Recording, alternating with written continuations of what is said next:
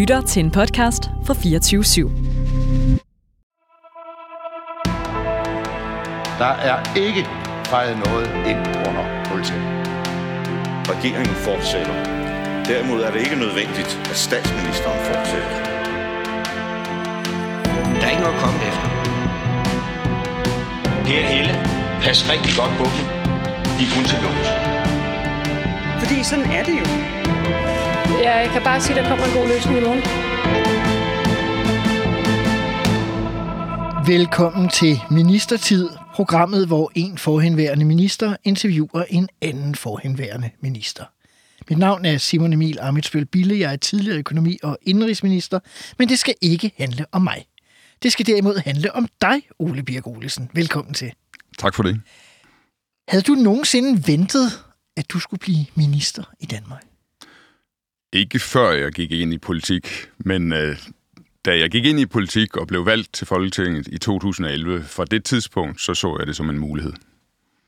Ole Birk Olesen, transport-, bygnings- og boligminister fra Liberal Alliance i Lars Løkke Rasmussens VLAK-regering 2016-19. Da der skulle ringes rundt efter, at øh, VL VLA og konservative havde dannet regering på ruinerne af diskussionen om topskatter og forandringer i 2016, der øh, gjorde vi det i LA, og jeg siger vi, for vi må lave den disclaimer, at Ole Birk og jeg sad jo i regering samtidig for samme parti, Liberal Alliance, men der lavede vi den aftale, at vores partileder Anders Samuelsen ringede, hvis man skulle blive minister, og jeg, som var gruppeformand, ringede, hvis man ikke blev minister. Havde du sommerfugle i maven den dag, Ole? Ja, det havde jeg faktisk, øh, og det, det synes jeg måske ikke, jeg burde have, fordi jeg var blevet involveret meget tid, tidligt i tankerne om, at øh, at vi var nok på vej i regering, øh, fordi det var en forudsætning for ting, vi gjorde i nogle finanslovsforhandlinger, hvor jeg var en deltager. Så jeg tænkte, at hvis jeg ikke selv var udtænkt en minister på, så tænkte jeg, så havde jeg nok heller ikke fået noget at vide om det på det tidspunkt. Det kan være, at den analyse var forkert, men, men ikke desto mindre, så var jeg meget sådan nervøs for det, fordi jeg havde også sådan en idé om, at, at, at hvis der var nogen andre, der blev det, og jeg ikke blev det, så måtte jeg tage op med mig selv, om, om politik var det, jeg skulle. Jeg kan fortælle dig, at der var kun tre folketingsmedlemmer, Anders Samuelsen og jeg involveret, øh, ud over os selv, øh, inden at alle ligesom fik det at vide. Og det var kun to af de tre, der endte med at blive ministre. Øh, men øh, nok om det. Øh, kan du huske, da Anders ringede til dig så? Ja, det kan jeg. Jeg stod og lavede øh, biksemad af nogle kartofler, vi havde haft til overs, og noget øh, flæskesteg eller et eller andet, øh, og, og med spejlæg. Og øh, stod ude i køkkenet, og telefonen lå på køkkenbordet ved siden af, af komfuret. Øh, og jeg sp- ventede spændt på, om jeg blev ringet op af Simon Emil eller af Anders, fordi dem, der blev ringet op af Anders, øh, de skulle være ministre. Aha. Hvad sagde han? Øh, jamen, han, han havde bare en glad stemme, sådan som jeg husker det. Og jeg var selvfølgelig også glad for, at det var ham, der ringede. Og øh, så sagde han ret hurtigt, øh, Ole, øh, vil du gerne være transport-, bygnings- og boligminister? Og, øh, og så sagde jeg bare ja, øh, fordi jeg vidste, at jeg ville nok have sagt ja under alle omstændigheder. Jeg ved ikke, om jeg ville have sagt ja, hvis han havde sagt kulturminister, for det er jeg ikke sikker på, at jeg ville være egnet til, men, men ellers så ville jeg have sagt ja. Men, øh, men tænkte du noget over, at det var den post? Jamen, jeg tror, at det efterfølgende gik op for mig, at han ikke bare sagde transportminister, men også sagde bygnings- og boligminister. Og, og det kom bag på mig, fordi den stilling fandtes jo ikke øh, før den her regering. Altså det med at slutte, slutte bolig og transport sammen fandtes ikke. Aha. Så jeg tror lige, jeg skulle have den en gang til. Hvad, hvad var det, du sagde ud over transport, Anders, øh, tror jeg? Aha. Men hvordan forholdt du dig til selve emnerne? Var det sådan, du tænkte, yes, det var lige dem, du havde håbet på, eller det kan jeg godt prøve -agtigt? Øh, jeg var lidt øh, uforstående over for øh, transportdelen, øh, fordi jeg ikke havde beskæftiget mig med transportpolitikken øh, andet end sådan helt overordnet som finansordfører. Øh, og øh, havde, e- jeg havde egentlig troet, at jeg skulle, at jeg skulle være skatteminister, eller måske, hvis jeg var heldig, beskæftigelsesminister. Altså sådan nogle ting, som jeg havde beskæftiget mig meget med tidligere. Øhm, ikke, jeg havde ikke været beskæftigelsesordfører, men jeg havde alligevel beskæftiget mig meget med det.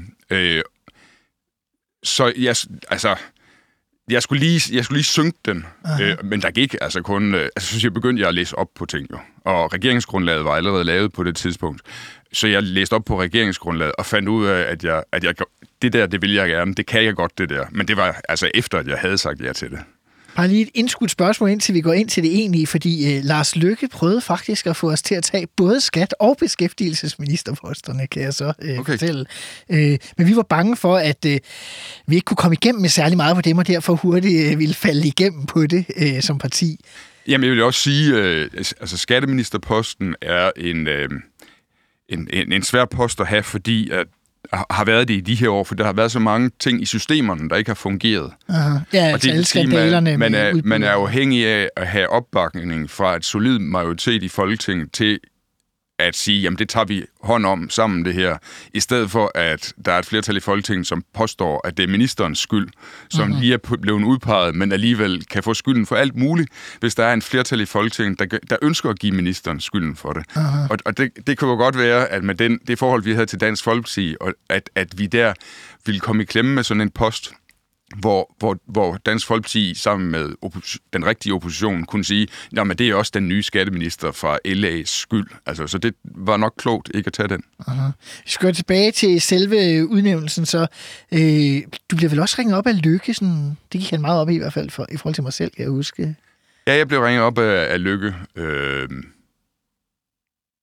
senere på aftenen, tror jeg. Ja, det, jeg tror, det blev meget sent. Jeg tror, at Anders sagde, øh, du vil senere på aftenen blive ringet op af Lars Løkke Rasmussen. Aha. Og det blev jeg så. Og det var stille og roligt. Ja, Okay. Det var, øh, det, han sagde sådan nogle ting, som Anders ikke havde sagt om, at øh, når du siger ja nu, så skal du sådan ligesom love at holde dig inden for dit ressort. Du kan ikke gå rundt og mene alt muligt om andre ministers ressort, for eksempel. Er du klar på det, Ole? Det, sådan husker jeg det i hvert fald. Jeg, jeg skriver ikke dagbog, så jeg har ikke kunnet læse op på... Han skulle lige sikre sig, at, øh, at han ikke skulle øh, have dig til at kommentere på alt muligt andet. Ja, jeg ved ikke, om det kun var noget, han sagde til mig, eller om det var en fast frase, han havde til alle. Det ved jeg heller ikke. Øhm, hvordan blev du modtaget embedsværket over i ministeriet?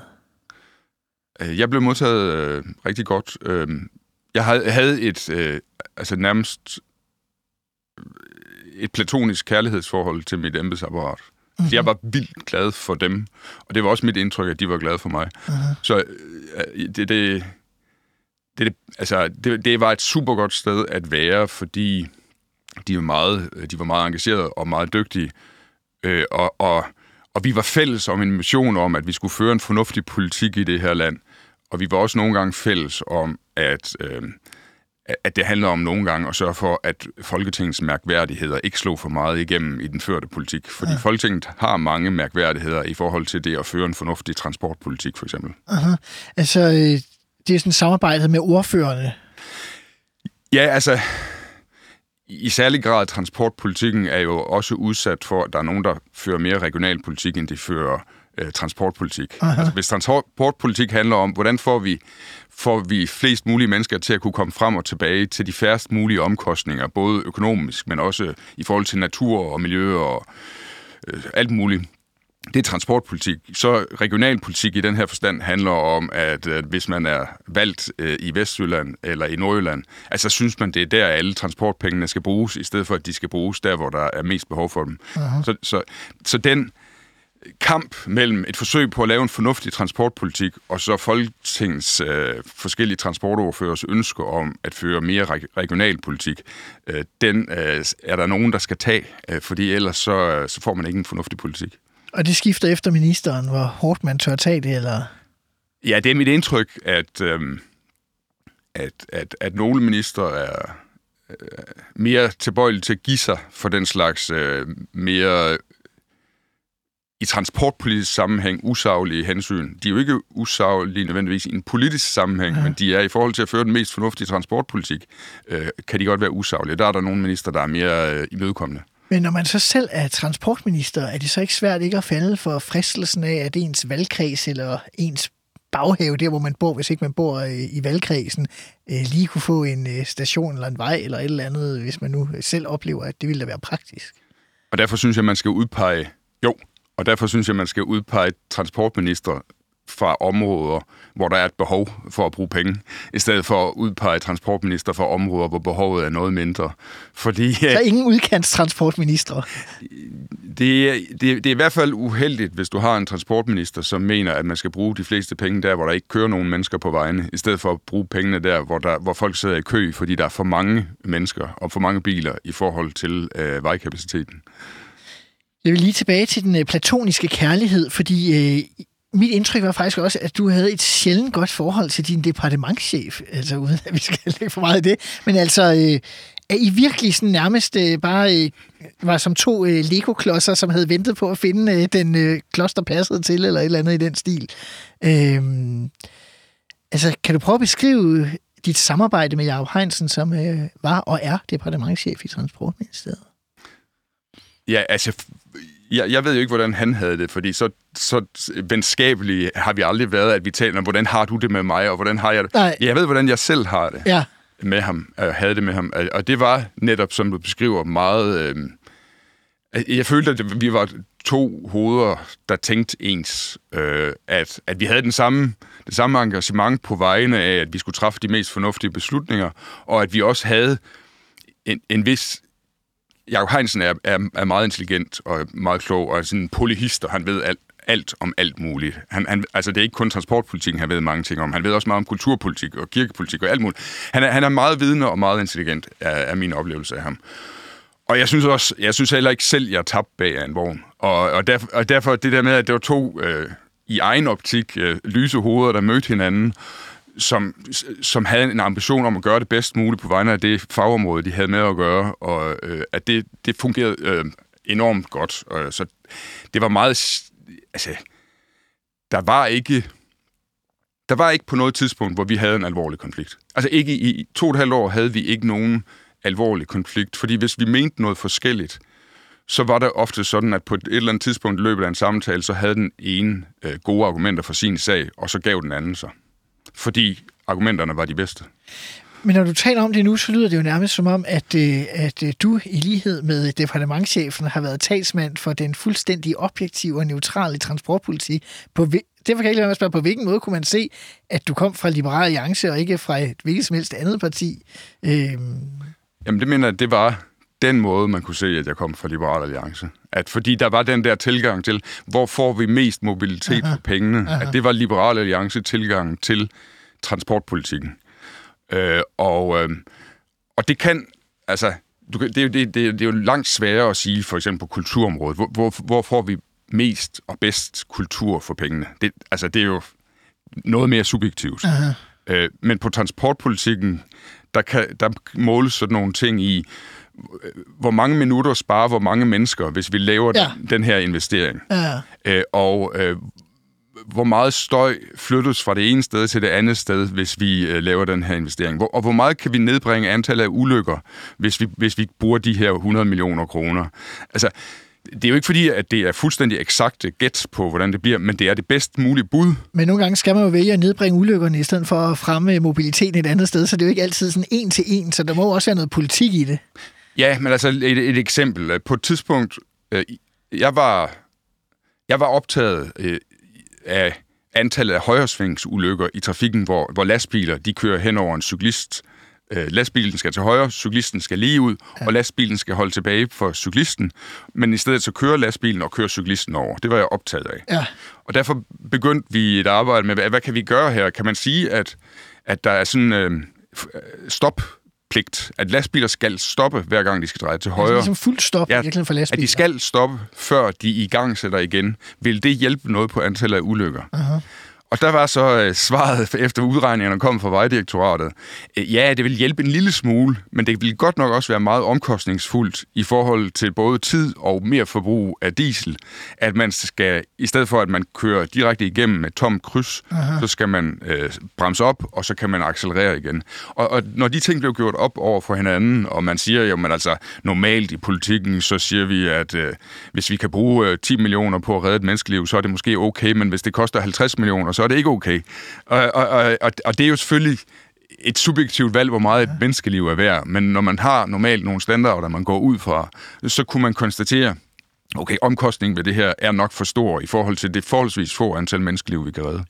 Men det kan, kan jo godt lyde meget godt, når man sidder i ministeriet og taler om det. Men hvis du siger nu siger i radioen, at et menneskeliv koster 10 millioner, så vil borgerne måske sige, hvad med 12 eller 13 eller 14? Ikke? Altså, det, er jo, det er jo en svær sag. Altså, jeg, kan jeg kan ikke huske beløbet. jeg Nej, det er også fair nok. Ja. Øh, Mere princippet. Ja, men der er jo en grund til, at, at ingen minister før mig havde gjort det, og ingen minister efter mig har lavet fuld stop ved højre sving for lastbiler. Altså, øh, det er jo fordi, de har jo alle sammen tænkt, at okay, det er simpelthen for dyrt, det her, øh, i forhold til alle mulige hensyn.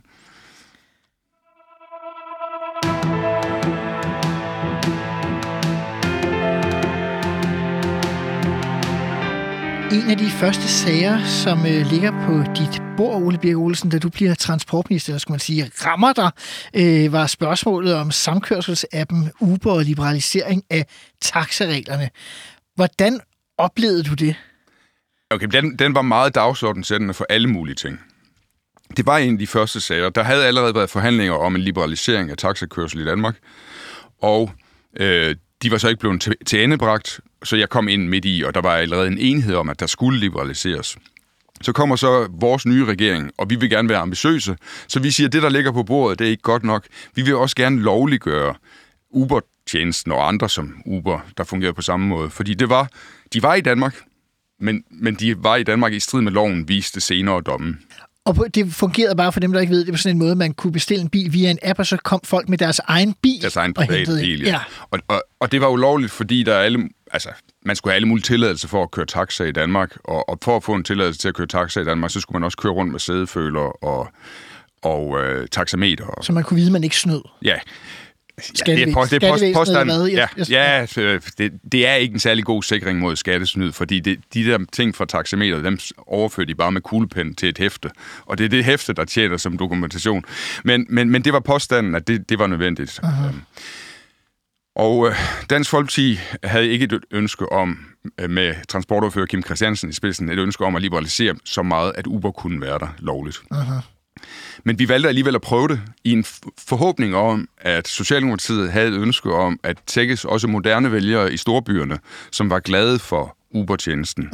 Altså at, at, at Socialdemokratiet ikke kunne leve med at være det parti, der ikke lovliggjorde Uber, øh, mm-hmm. fordi at så kunne de ikke tale til unge mennesker i de større byer. Det var, det var forhåbningen. Mm-hmm. Men, men altså, vi fremlagde, at Uber skulle lovliggøres, og, og vi kom ingen vegne. Uanset hvor, hvor meget jeg ligesom prøvede at presse på i forhandlingerne, så, kunne jeg, så var Socialdemokratiet ikke til at stikke i, og, og DF var i hvert fald heller ikke. Uh-huh.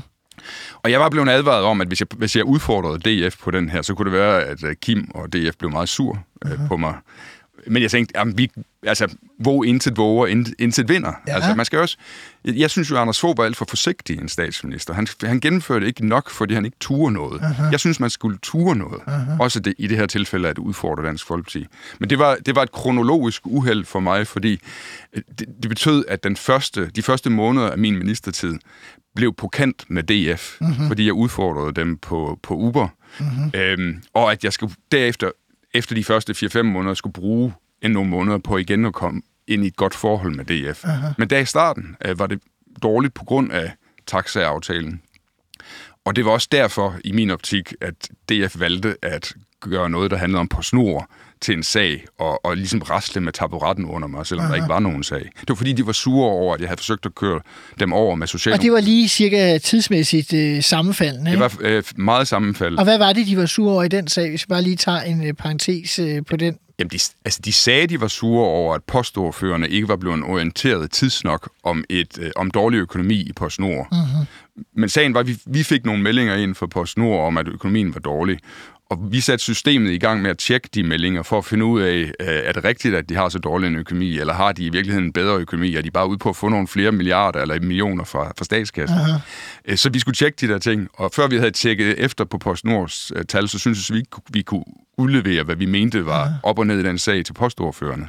Var I for langsomme om at gøre det? Tænker Det tog, det tog få uger, det her. Okay. Øh, men, men altså, de få uger, altså det, det, postordførerne hævdede, at de skulle have haft besked med det samme, da vi fik besked fra PostNord om, at økonomien var dårlig. Og vores opfattelse var, at vi først skulle øh, eftertjekke PostNords tal, så vi kunne give et mere retvisende billede og til postordførerne. Men undervejs i den proce- pro- proces, øh, der orienterede vi faktisk finansordførerne, fordi vi mente, at der var en større en større forståelse i den kreds for, øh, at man gik med fortrolighed omkring de her tal, og at... Øh, Så partierne var orienteret, bare ikke de ordfører, som øh, følte deres følelser ikke, trådt dem, der blev, ikke dem, der blev sure over, at det...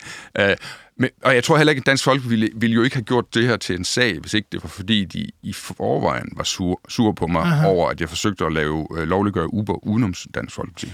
Men der ligger vel også noget i, tænker jeg, at øh, postordfører er jo ikke typisk de mest øh, centrale medlemmer af partierne, og folk med meget små ordførerskaber, de kan nemmere blive sure over sager, fordi at, at det er så sjældent, de har en sag. Ja. Det er meget sjældent, at postordførerne de er i, i medierne. Jeg har selv engang været postordfører, Ja, ja. Det, er, det er kun, når man laver en ny postaftale, og der handler det om, at de skal forsvare, at servicen for, for Post Danmark den er, bliver dårligere, end den har været hidtil. Aha. Så her var måske en, en mulighed for at shine som en, der, der stod fast på nogle principper eller et eller andet. Men ja, Men hvis vi lige går tilbage til taxa, nu tog vi lige det her sidespring. Ja. Hvis man ser på Dansk Folkepartis position, altså, det har i hvert fald undret mig, og det, du er nok klogere på det, det er, hvorfor er et parti som Dansk Folkeparti egentlig i sig selv imod liberalisering og samkørselstjenester osv., og det kunne vel også hjælpe mange af de mennesker, der dengang stemte på Dansk Folkeparti. Jamen, der var jo to meget øh, store spillere i det her, som var modstandere af, at man skulle lovliggøre Uber. Øh, Det ene var, var 3F Transport, som organiserer chaufførerne. Mm-hmm. Og de der Uber-chauffører, de er jo ikke medlem af 3F Transport. De er jo, de er jo deres egne. De har deres egen bil og er ikke ansat uh-huh. nogen steder. Så der var et fagforenings... Så fagforeningerne, de pressede på, og det lyttede Socialdemokratiet meget til, og, og resten af venstrefløjen. Ja. SF og Enhedslisten. Ikke Alternativet og ikke Radikale. Okay. De vil gerne liberalisere. Så de røde-røde partier. Ja, de arbejder. Dem, der svinger med røde faner på 1. maj, de Ja. var imod, øh, fordi 3F var imod. Dansk Folkeparti lyttede meget til, hvad Dansk Taxiråd sagde. Altså øh, brancheorganisationen for vognmændene. Mm-hmm. Øh, og, øh, og, og de var også imod at få den her, at den her konkurrent Uber blev lovliggjort. Øh, og Ja, altså, jeg ved, altså hvorfor der var så godt et forhold mellem øh, Dansk Taxiråd og, og, og Kim Christiansen hos Dansk Folkeparti, det, det, det ved jeg jo ikke noget om, men, men for, at det var derfor, det var de interesser, han repræsenterede. Og, og det var ikke noget, ledelsen gik dybere ind i, øh, eller hvad? Ledelsen af Dansk Folkeparti. Aha. Jeg tror, at jeg tror, at Dansk Folkepartis ledelse i den periode, og øh, måske hele perioden, også var lidt sur over, at Liberale Alliance havde overhalet øh, Dansk Folkeparti på vejen ind til ministerkontorerne. Mm-hmm. Øhm, at vi ligesom havde turet, hvor de ikke turede, selvom vi var et yngre parti og mindre end dem. Uh-huh. Og, og derfor, hvis der var en ordfører, der følte anledning til at være efter en LA-minister, så tror jeg, at han fik opbakning fra DF-toppen. Også selvom det politisk måske ikke var 100% øh, rent. Ja, altså det tror jeg ikke, det betød så meget for, for Christian Thulsen Dahl. Han er, var jo meget en magtspiller. Var du bange for, at de ville vælte dig? Altså Dansk Folkeparti som minister? Ja, da, altså i den periode der, hvor, hvor, de, hvor de ligesom hævdede, at jeg havde gjort noget galt med PostNord, der var jeg da øh, reelt bange for, at de ville vælte mig. Ja, selvfølgelig var jeg det. Men også selvom du var sikker på, at du ikke havde gjort noget galt. Ja, også selvom jeg ikke havde gjort noget galt. Altså, øh, jeg har nu for eksempel her i, i sidste valgperiode, der, der måtte Benny Engelbrecht jo forlade øh, sit minister, transportministeriet. Øh, og han havde ikke gjort noget galt, og derfor sagde jeg også, at ja, vi vil ikke være med til at vælte ham, selvom vi er opposition. sag. Øh, vi vil ikke vælte ham, selvom vi er opposition, fordi han har ikke gjort noget galt. Men han, blev jo, han måtte alligevel gå, fordi enhedslisten benyttede ham til at ligesom sætte, øh, sætte foden ned over for Han skulle være et zonoffer for Mette Frederiksen ja. I forhold til deres Ja. dårlige forhold til Så enhedslisten. det betyder ikke nødvendigvis, og det synes jeg er lidt ærgerligt i den offentlige debat, når en minister må forlade sin post, så har pressen jo en tendens til at skrive, at det skete, fordi ministeren gjorde sådan og sådan. Men virkeligheden er, at det ministeren gjorde, var egentlig ikke anledning til, at han mistede livet. Det var i højere grad øh, støttepartiets utilfredshed med statsministeren, der gjorde, at statsministeren mistede en minister. Jeg er glad for, at vi aldrig kom til at få afprøvet det, fordi at, øh, hvis jeg skulle øh, sige, hvad øh, Anders Samuelsen og jeg snakkede om i den anledning, så var vi endnu en gang parat til at eksplodere dansk politik, hvis de havde væltet dig. Der er kommet jo en BT-historie, som jeg går ud fra, at I satte i gang, om at hvis øh, Ole Birk Olsen røg som minister på grund af det der, øh, så ville øh, LA trække sig ud af regeringen. Og jeg går ud fra, at det lagde et eller andet pres både på, på, på Lykke og, på øh, dansk, og måske via Lykke på Dansk Folkeparti. Det kan jeg love dig for, det gjorde. Jeg kan fortælle, at jeg havde en meget speciel samtale med Peter Skov, hvor vi ikke rigtig talte om den artikel, men den alligevel øh, dominerede hele frokosten. så, så det gjorde vi. Ja.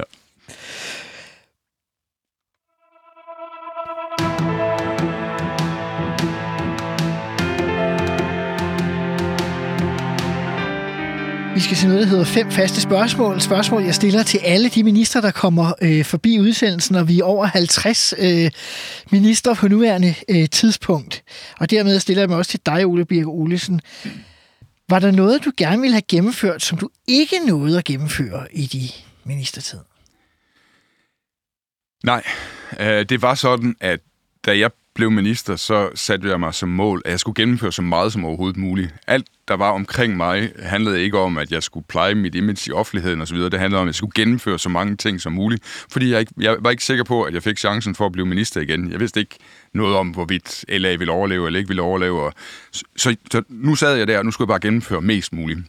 Så jeg gjorde virkelig alt, hvad jeg kunne for at gennemføre mest muligt, og derfor fik jeg også gennemført så meget, at jeg ikke i dag kan sige, at jeg manglede noget. Det andet spørgsmål, det er, hvad var din ministertids værste øjeblik? Øhm, øh, jeg tror, at det var de der, altså det var den der periode, hvor jeg kun havde været minister i tre måneder eller sådan noget, og hvor der var historier i offentligheden om, at taburetten vakler under Ole Birk Olsen, ved Dansk Folkeparti vælte Ole Birk Olsen. Og, at det gav, altså, det, det lagde også et pres på folk, der kan lide mig, familie og venner. Og, altså. Tog det hårdt for din øh, familie, at der var det der... Øh... Nej, altså hårdt og hårdt, men... Der, altså, der var jo også, altså, der, var, det, der følger også alt muligt andet med, sådan at, øh, jamen, Ole Bjerg Olsen, han er arrogant, og altså, sådan nogle overskrifter kommer også, øh, og, altså, sådan noget, at der er noget galt med personen, øh, Ole Bjerg Olsen. Uh-huh. Carsten Hønge, som jeg har et dårligt forhold til, øh, blandt andet på grund af det her, sagde til pressen, at Ole Birk Olsen var den slags øh, politiker, man ikke kunne give hånden, fordi man var bange for, om man havde fem fingre, når man trak den tilbage. Øh, og jeg tror, alle mine fejl øh, ufortalte. Jeg har dog den kvalitet, at jeg er ærlig øh, over for, for mennesker, og at jeg ikke snyder folk. Og derfor er det, var det jo helt urimeligt, at han sagde sådan, bare fordi, at øh, han synes han kunne få en god overskrift i avisen på det. Altså, men alle de der om, at der er noget galt med personen, Aha det tror jeg, det, det gør ondt øh, i et eller andet omfang, også på folk, der står personen nær. En anden ting, som jeg i hvert fald bare har, jeg har noteret nogle forskellige bud øh, på nogle af spørgsmål også. Der var jo øh, forhandlinger i forhold til lufthavnen. Altså, der var, der var mange kontroverser der. Altså, det overvejede jeg som sådan en, et bud, eller som sådan en, en hård tid, om ikke andet. Jamen, der var en kamp. Øh, i, kan du prøve at beskrive den? Altså Lufthavnen, Københavns Lufthavn er, er et monopol, som er et monopol, fordi at ingen kan få lov til at lave en konkurrerende lufthavn til Københavns Lufthavn. Af åbenlyse årsager. Miljøårsager og trafik og alt muligt. Så, så der, hvis nu Roskilde gerne vil udvide betragteligt og blive en international lufthavn, så vil Roskilde Tune Lufthavn ikke kunne få lov til det. Øhm, og derfor er det et offentligt beskyttet monopol, de har derude, men med private ejere. Og fordi det er et monopol, så er der en masse regulering omkring det. Mm-hmm. Altså, hvor meget må hvor meget må I tage i takst fra fly, der, fly, der, der lander og letter? Øhm, de baner, I har, der er to baner, og så er der en tværbane, og den der tværbane, den bliver benyttet, øh, når vejret er dårligt, og det blæser en bestemt retning, så er det, at flyene kommer ind over København og lander på den. Den vil uh, lufthavnen gerne uh, nedlægge, for eksempel, for at give plads til flere hoteller og uh, indkøbsmuligheder osv. Uh-huh. Men den tjener en stor funktion til, at man kan lande i Danmark, når vejret er dårligt. Så derfor er der nogle, uh, en masse politisk regulering af det. Og, og der var en stor, stor lobbyvirksomhed fra Københavns Lufthavn om at, at få mere løs øh, regulering, øh, mere, mere mulighed for høje takster og, og, og nedlægge banen, så man kunne bygge flere hoteller og indkøbssteder derude og sådan noget. Mm. Og der var også en intern kamp i regeringen, som trak, trak sig over øh, flere koordinationsudvalgsmøder, hvor... Jeg husker det ret voldsomt. En del af regeringen mente noget... Var, var mere imødekommende over for Lufthavns ønsker, end jeg var, uh-huh. øh, og end mit ministerium var. Uh-huh. Øh, og, øh, og, og der... Øh, jeg synes ikke, det var, jeg synes ikke, det var slemt, det der. Det var ikke noget, der foregik i offentligheden. Det var en kamp på de indre linjer, uh-huh. som jeg ikke havde det dårligt med øh, på nogen som helst måde. Øh, og, og hvor jeg bare var glad for, at jeg stod på det rigtige og kunne kæmpe for det rigtige, og at jeg havde allieret mig jeg havde allieret mig med Brian Mikkelsen hos de konservative i Erhvervsministeriet om at øh, repræsentere det, vi mente var samfundets interesser her, mm. og vi kæmpede imod Venstre, der talte lufthavnens interesser. Men grund til, at jeg havde sat den her, det er også fordi, at det, fra min egen stol, der oplevede jeg det her som en meget hårdere kamp, end det med Uber og PostNord, sådan fordi der vidste jeg ligesom, at der skulle du nok, øh, det skulle du nok klare. Men her, der var vi jo oppe, kan man sige, imod de største. Øh, så det var jo sådan, øh, det var virkelig øh, en kamp øh, på en anden måde, ikke? Ja, det synes jeg, jeg synes, at det, er, det var det rene barne med. Altså, øh, altså det var, selvfølgelig var der en, en, en kamp om det, og, og, det, og, der var, og fronterne var trukket skarpt op, men det foregik ikke i medierne, og der var ikke nogen i medierne, der fortalte øh, min familie og venner, at jeg var en idiot og et fjols og arrogant og alt muligt, og udulig.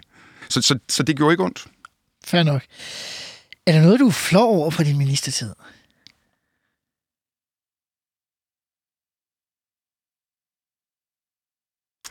Altså, der, jeg bliver nogle gange flov over mig selv, og det gør jeg fra, uanset om jeg er minister eller ej. Altså, jeg har... Jeg har Forstået hvordan? Jamen, og derfor har der også været episoder af det, mens jeg var minister. Ja. Øhm, jamen, altså, jeg,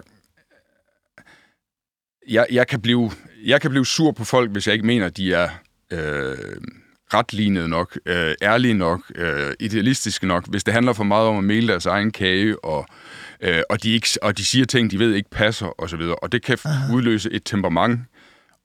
Og det betyder, at jeg i forskellige situationer nogle gange bliver vred. Ja. Altså og, mister temperamentet, hvad man siger. Jamen, det er ikke, fordi jeg, jeg mister det fuldstændig, men, men, men, men at jeg, ta, jeg taler med store ord til folk. Ja. Jeg, øh, jeg hæver stemmen, og så videre. Og, øhm, og det, der har været situationer, som, altså, hvor jeg var minister, hvor jeg også har gjort det der, og hvor jeg bagefter fortryder. Og det gør jeg, uanset om jeg er minister eller ej. Jeg fortryder oftest bagefter. Øh, ikke fordi jeg ikke synes, folk har fortjent det, men fordi, at det er Øh, unød, altså, det, det løser ikke noget. Uh-huh. Altså, det, det, er, det, det, er futil, det er barnligt, og det er futilt, og man uh-huh. bør kunne styre sig selv i de situationer. Og der har også været sådan nogle møder, øh, hvor, hvor jeg øh, følte, at jeg blev øh, røvrent af for eksempel andre regeringspartier, øh, øh, som jeg synes, på en måde, som jeg aldrig ville gøre ved en, et, en jeg var i et fællesskab med, uh-huh. øh, som, som har, hvor jeg bliver sur. Øh, og det, så det, det er flår over nogle gange, ja har du lavet en revkage som minister? Nej, ikke decideret revkager, men altså, altså sådan noget...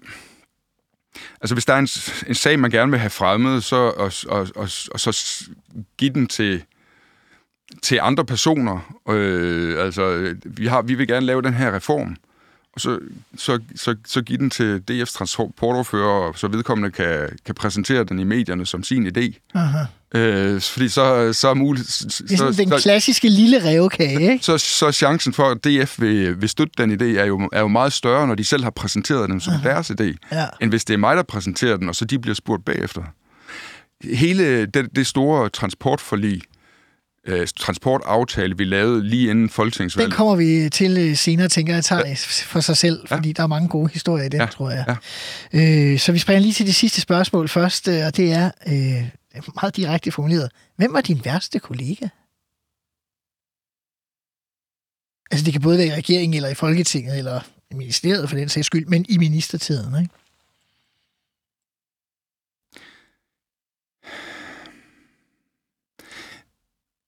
Jamen, det var øh, ikke Kim Christiansen fra Dansk Folkeparti. Fordi efter de første øh, måneder, hvor vi var på kant med hinanden, så fandt vi jo ud af, at vi ville nogle ting sammen, og kunne dyrke et fællesskab om det. Og jeg fandt ud af, at han øh, var øh, sådan en, når han først sagde noget, så kunne man regne med, at han også stod ved det, og så videre.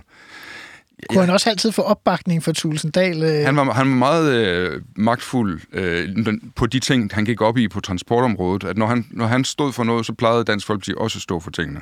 Så, så selvom jeg synes, han var for hård ved mig de første fire måneder eller sådan noget, efterfølgende udviklede vi et, øh, et godt samarbejde, hvor, hvor vi kunne stole på hinanden og kæmpe for fælles ting. Der var Jamen, jeg vil ikke sige, jeg vil ikke sige navn, men der, der, var, der er andre, der var anderledes. Hvor, altså, hvor man, hvor man, man, laver, man laver aftaler, man tror, man er fælles om. Aha. Og så, og så hvis, hvis der viser sig, de, der kommer lidt røg i pressen om det og så videre, så løber de fra det og, og, og, og, og, undsiger det, som de selv har været med til at aftale. Øh, og den slags mennesker er de værste kolleger, man kan have. Synes. For, fordi de simpelthen ikke har hvad hedder sådan noget, is i maven til at kunne stå på mål for noget, hvis det begynder at blive svært? Eller? Det, det er folk, som har en tendens til at tale øh, dem, de er i selskab med, efter munden. Aha. Det vil sige, når de er i selskab med mig og andre partier, så ja, det lyder som en god idé, det vil vi gerne. Og hvis det så viser sig, at det bliver populært ude i offentligheden, så går de ud i offentligheden og siger, at de også hvis, er imod det. Hvis det bliver upopulært. Ja, ja. hvis det bliver upopulært, ja. så går de i offentligheden og siger, at de er imod det.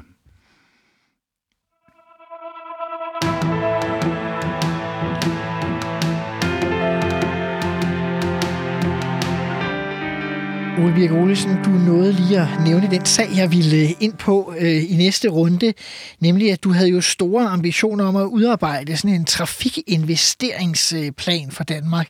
Øh, hvad var tanken bag, og hvorfor skulle det være lige øh, på det tidspunkt?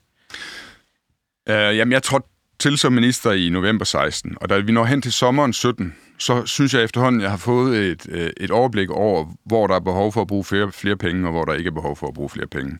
Og, og, og så begynder vi der fra sommeren 17 i ministeriet. Jeg bestiller notater, og jeg bestiller øh, analyser osv., og, og, og, og, og lave en plan om de ting, der skal bruges penge på, og hvor meget, mange penge det samlede kræver. Og så fra nyt, nytår mellem 17 og 18 cirka, der begynder jeg at have samtaler med finansminister Christian Jensen om den her plan. Så det er det her, vi har behov for. Uh-huh. Hvilke muligheder er der for at... Øh, at skaffe de penge. Øh, fordi vi har et, et transportforlig, der løber øh, tilbage fra Lars Barfods tid og ind til 2020. Som Konservativ handler, transportminister under VK-regeringen, ja, ja, undskyld. Som, som, som, som bruger de penge, der er frem til 2020. Og, og, og nu skriver vi jo, at så nærmer vi jo snart 2020, så skal vi jo til at lave en ny plan, der handler fra 2020 og frem, for eksempel til 2030. Aha. Og det begynder jeg så på i de der, øh, i de der måneder og år. Øh, og, øh, og jeg har to analyser bag det der. Øh, den ene mulighed, det er, at hvis, hvis vi får lavet den her aftale, og vi genvender magten, vi er blå, ja, så kan vi jo gennemføre det hele. Uh-huh. Den anden mulighed er, at vi taber magten, men så har vi lagt en aftale frem og givet håb i forskellige områder, at man kan lave den her investering i deres infrastruktur, som der er behov for, uh-huh. og så vil den næste regering være presset af det. Uh-huh. Så, så uanset om, om vi genvinder magten eller ej, så vil den plan, jeg laver, den vil være, vil være dagsordensættende for, hvad der skal ske efter valget i 19. Så, så derfor ønsker jeg, at den, den skal ud inden i et håb om, at, jeg, at, at selv hvis vi taber magten, så har jeg den plan, jeg har lavet, uh-huh. den betyder også noget efter 2019, når der er kommet en ny regering. Hvordan blev ideen øh, taget imod af finansministeren? Den blev øh, til synligheden taget godt imod der, da jeg præsenterede. Jeg har en oplevelse af, at han var med til at fremme ideen øh, der i starten. Ja. Øhm, men det, der så sker øh, i, i, altså de kommende år, det er, at jeg oplever, at Finansministeriet øh, hele tiden forsøger at øh, processe ideen ihjel. Uh-huh. Ja. Og jeg har sådan flere uforstående, øh, hvor jeg snakker med Christian Jensen, hvor jeg er uforstående overfor, at hvis han er, er for det, hvorfor er det så, at det ser ud til, at Finansministeriet forsøger at pr- processe det ihjel? Uh-huh. Øhm, så, så der er jo to muligheder der. Enten så, så spiller Christian Jensen dobbeltspil, øh, eller også så er der nogle andre, der ligesom øh, har sagt til ham, at, at det kan ikke fremmes, det her. Øhm, og øh, det her passede ind i et mønster, som jeg havde oplevet i regeringen, at, at hvis der var nogen, hvis, der, hvis, hvis LA havde nogle, nogle, nogle store ønsker om at få noget igennem, som man kunne sige, at at blå vælgere ville tage godt imod, Aha. men hvor LA stod som dem, der havde fået det igennem, Aha. at så var det mit indtryk, at, at, at Venstre ofte modarbejdede ting. Altså, en ting er, at LA gerne ville være de mest liberale i Danmark, og de klareste og de mest principfaste liberale. Noget andet var, hvis de også skulle blive en succes i regeringen. At, at det, det, det kunne Venstre ikke tåle. Så det er dit indtryk, at enten Christian Jensen lavede dobbeltspil, eller at det var nogen højere oppe i systemet, der synes, at det, det skulle ikke ske? Ja, Christian Jensen var blevet underkendt. Jeg tænker at i starten, at han var positiv over for det, men ja. at han blev underkendt af, af den daværende statsminister Lars Løkke Rasmussen og Venstre som, som hele, og derfor måtte øh, acceptere, at hans ministerium gjorde, hvad de kunne for at processe det her ihjel. Hvad var så din oplevelse af, hvordan at, øh, proppen så øh, kom af flasken alligevel? Jamen, der var min oplevelse, det var dig, der gjorde det, Simon Emil. Øh, fordi øh, jeg forstod det sådan, at øh, på et tidspunkt skulle Venstre bruge nogle penge til øh, forsvaret, hvor Claus Hjort Frederiksen sad som øh, minister. Og, øh, og det var vi jo for. Vi vil gerne give flere penge til forsvaret. Men omvendt, øh, så, øh, så var det også sådan, at, øh, at, at hvis, vi, hvis vi skulle give til åbenlyse ting på forsvarsområdet, så skulle Venstre altså også være villig til at give til åbenlyse ting på transportområdet. Og der tror jeg, du tog et gissel. Det gjorde jeg helt bestemt, men det var faktisk ikke. Jeg spurgte ikke for at, at få en eller anden ros i radioen. Jeg spurgte faktisk, fordi jeg synes, det her er meget interessant, fordi jeg måske har oplevet noget af dobbeltspillet i Venstre lidt anderledes, end du har, og det, begge dele kan være rigtigt. Ja. Fordi jeg oplevede, at... Øh, at det, der i virkeligheden fik proppen til at, øh, at sprænge, eller hvad kan man sige, at få tingene til at køre, det var, øh, da Lars Lykke fik en fornemmelse af, at det var i Finansministeriet, at modstanden var. Øh, så jeg opfandt nærmest som, at han tænkte, at Christian Jensen var imod. Og derfor så blev han mere positiv over for projektet. Jeg ved ikke, om det er rigtigt, men det var sådan, jeg oplevede det. men det kan jo lige så godt være det, du siger. Det, jeg aner det ikke. Men er det ikke rigtigt, at, at jo. det kom igennem? Historien er rigtig nok. At det kom men... igennem på den måde, at, at, du, at, at, at altså, yes. da vi havde slåsset med, jeg havde slået med Finansministeriet, uh-huh. og du havde også medvirket i slagsmål i koordinationsudvalget, hvor jeg også havde deltaget, hvor, hvor tingene ikke ligesom kom videre. Øh, så satte du foden ned og sagde, jamen hvis I skal have de der penge til forsvar, så skal det, vi have de der penge Det er fuldstændig rigtigt, vi lavede de der kryds, men det var klart min oplevelse, at uh, Lars Lykke blev mere uh, begejstret for tanken, da han uh, hørte om modstand i Finansministeriet. Okay. Mm-hmm. og det er jo fantastisk, at alle kan blive klogere af at være med i det her ja. program, jo, og ja. det skal jeg jo især også øh, øh, blive. Så kom selve forhandlingerne. Og der er det jo Dansk Folkeparti, du for, altså det er Dansk Folkeparti, der er hoved, øh, det er dem, aftalen bliver lavet med. Øh, og de har jo også nogle lidt øh, specielle ønsker, øh, apropos øh, regionalpolitik, som vi indledte med at tale om. Mm. Øh, hvordan oplevede du ønskerne fra Kim Christiansen og Tulsendal øh, i den forbindelse? Jamen, øh, først og fremmest så valgte vi jo at gøre noget alternativt, øh, som var min idé. At i stedet for, at regeringen præsenterer hele planen, og så inviterer Dansk Folkeparti eller andre partier til forhandling, og så kan de få lov til at, at få nogle ekstra ting, eller tage nogle ting ud, øh, så inviterede vi Dansk Folkeparti ind først, sådan at de kunne være med til at tage æren for de ting, vi gerne ville, sådan at de ikke fik lyst til at pille ting ud af planen. Så det skulle... Dansk Folkeparti var jo meget sådan på det tidspunkt, at vi forhindrer ting, som regeringen gerne vil. Og derfor, hvis vi præsenterede, at vi gerne ville noget, så risikerede vi, at de ville tage det ud, bare for at sige, at de kunne have forhindret noget, regeringen gerne ville. Mm-hmm. Så derfor tog vi forhandlingerne med Dansk Folkeparti, før vi præsenterede, og præsenterede sammen med Dansk Folkeparti.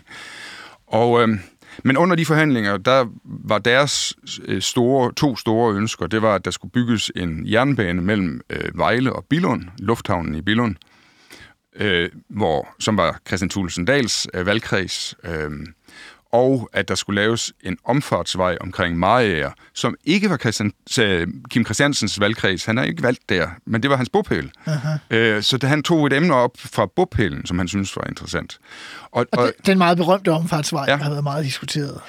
Og øh, især den der vej, øh, nej, den, især banen mellem øh, Vejle og Bilund var helt skør. Øh, og den kostede, jeg tror, halvanden milliard kroner.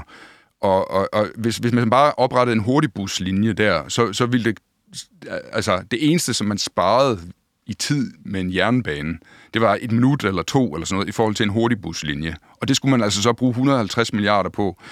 Nej, halvanden milliard, halvanden milliard på, plus øh, årlige tilskud til driften, for den kunne heller ikke løbe rundt af sig selv. Så det var, det var et, et absolut skørt, øh, en absolut skør idé, som, men som de ikke desto mindre havde fået igennem tidligere i blandt togfondspartierne mm-hmm. i, i en aftale med de røde partier om togfonden. Så var sådan en aftale, som nogle partier lavede ude... Nej, hvordan inden, var det? Inden, inden, altså, mens Torning var statsminister, lavede de, øh, de røde og Dansk Folkeparti den aftale. Men som stadig havde flertal, efter der kom borgerlige ja, flertal i ja, 2005. Dansk Folkeparti var med. Ja, ja. Så, så de havde jo over på den røde side opbakning til, at det skulle gennemføres, så det var svært for os at nægte, at det skulle gennemføres i vores mm. forlig, som skulle erstatte, hvad der var tid, af tidligere forlig. Mm. Øhm, så den, den blev de nødt til at have, fordi vi, der var ikke anden mulighed. Og så var der den der øh, omfartsvej ved, ved Maja, som fik mest opmærksomhed bagefter, øh, og blev gjort til grin, men faktisk var en okay, øh, et okay projekt med en, med en en forrentning på cirka 3 procent. Øh, og hvad skal forrentningen være, før at det er okay? Jamen, dengang sagde man 4 procent, men i dag siger man cirka 3 procent. Så, så, så altså, hvis det samfunds... Med dagens, med dagens standarder? Ja, med dagens okay. standarder, der, var det, øh, der ville det, var det et projekt, man øh, ville have gennemført. Øh, men det, det, det blev meget gjort til grin, fordi der var... Kim Christiansen kom til at sige noget om, at det handlede om, at han ikke ville have lastbiler ned i den gamle by i, øh, i Maja. Hvor han ejer en bodega. Ja, øh, ned over brostenene. Øh, og, og, og det var faktisk ikke det, det, det handlede om. Men, men, men der var nogle journalister, der var nede og se, hvor mange lastbiler kommer der egentlig dernede. Der kom ingen. Bortset fra dem, der leverede øh, fustager til, til Kims egen øh, øh, bodega eller kro. Så så det havde han en meget dårlig sag med, selvom det var et okay projekt. Øh, Det, der var det virkelig dårlige projekt, det var Christian Thulsen Dahls ønske om en bane mellem øh, Vejle og Billund. Det var der ikke så mange, der gik op i. Og du, nu skal vi, om lidt kan vi, skal der jo det i udsendelsen også, at du holder op med at være minister, men så fik du planen aftalt mellem ja. regeringen og Dansk Folkeparti, Ja. og meget blev vel stående i den plan, der så blev lavet øh, bagefter. Den, den udgør en, en, en meget stor del af den plan, som så blev vedtaget øh, efter valget med, en, øh, med Benny Engelbrecht som transportminister. Øhm, og det var jo, fordi det var fornuftige projekter, der var i den.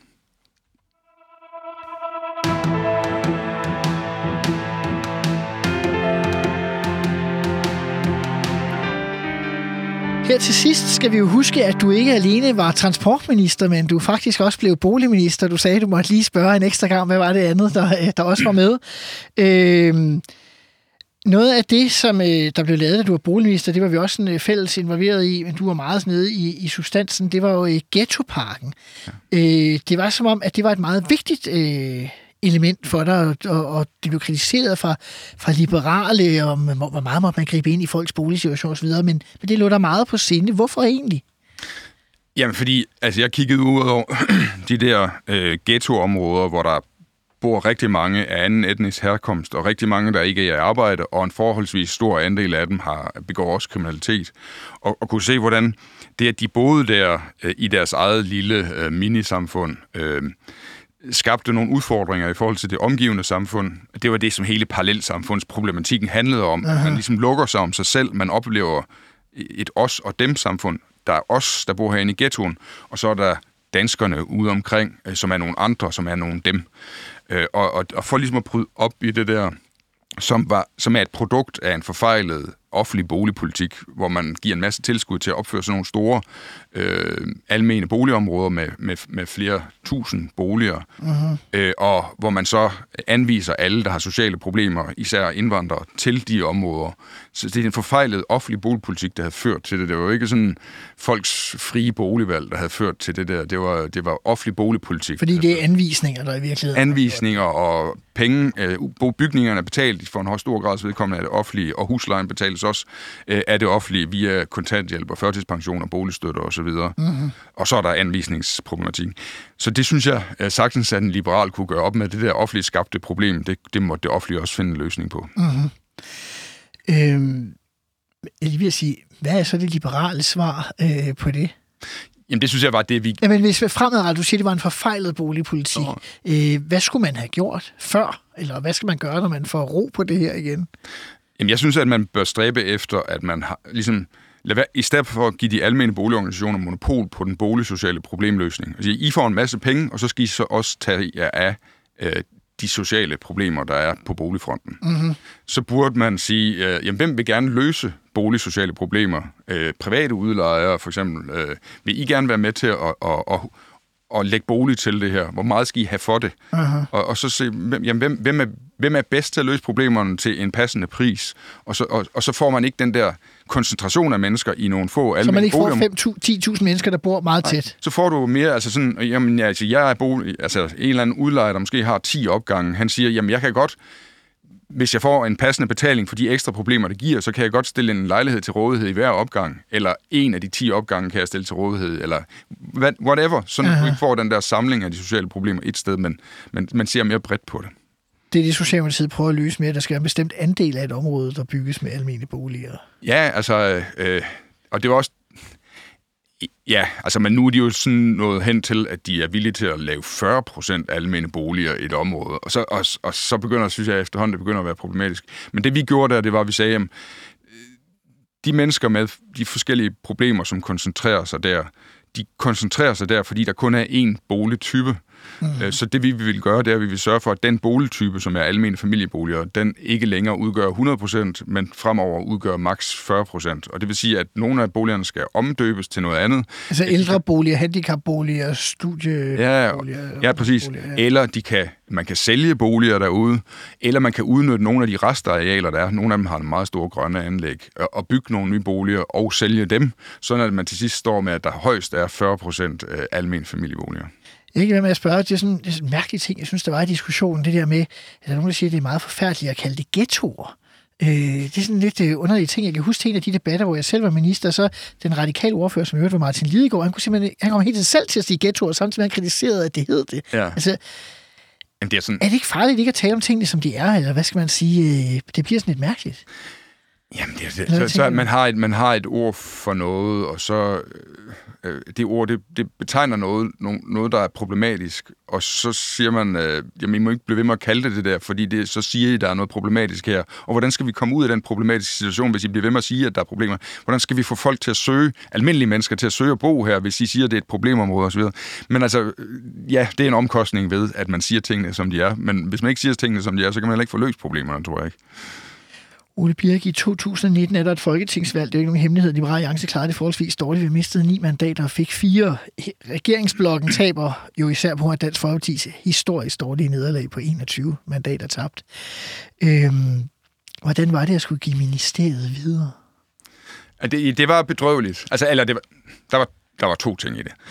Den ene var, at jeg var glad, havde, havde været meget glad for at være der, og havde været meget øh, glad for resultaterne. Og da vi først kom over de første fire måneder, så synes jeg også, at jeg havde gjort tingene godt.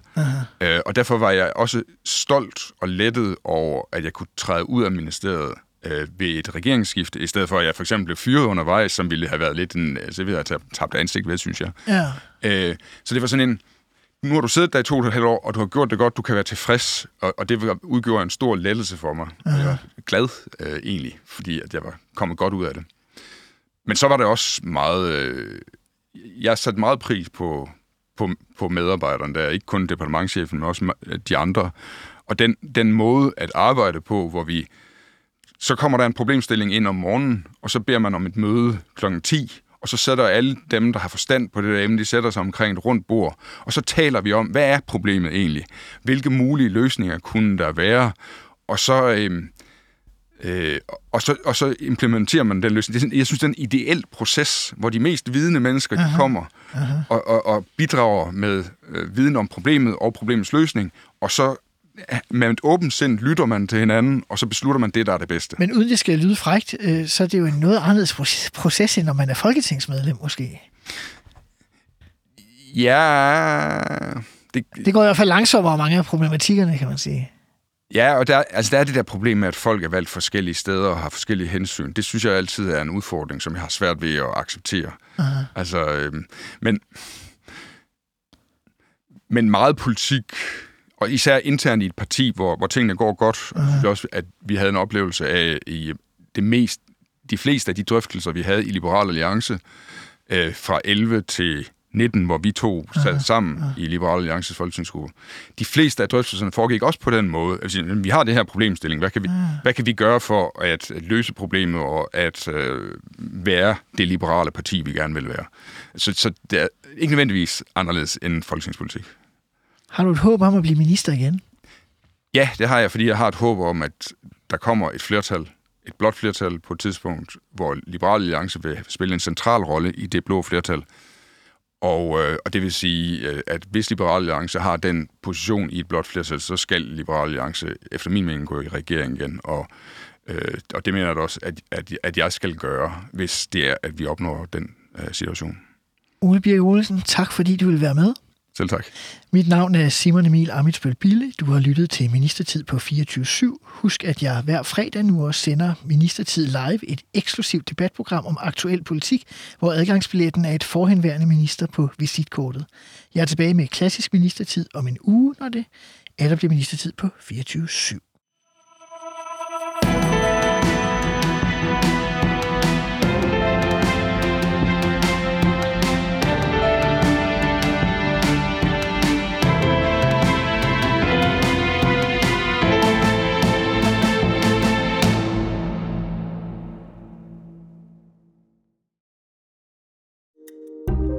Kære lytter, du har lyttet til et program fra 24 /7. Du kan finde meget mere modig, nysgerrig og magtkritisk taleradio på 24 7 appen Hent den i App Store og Google Play.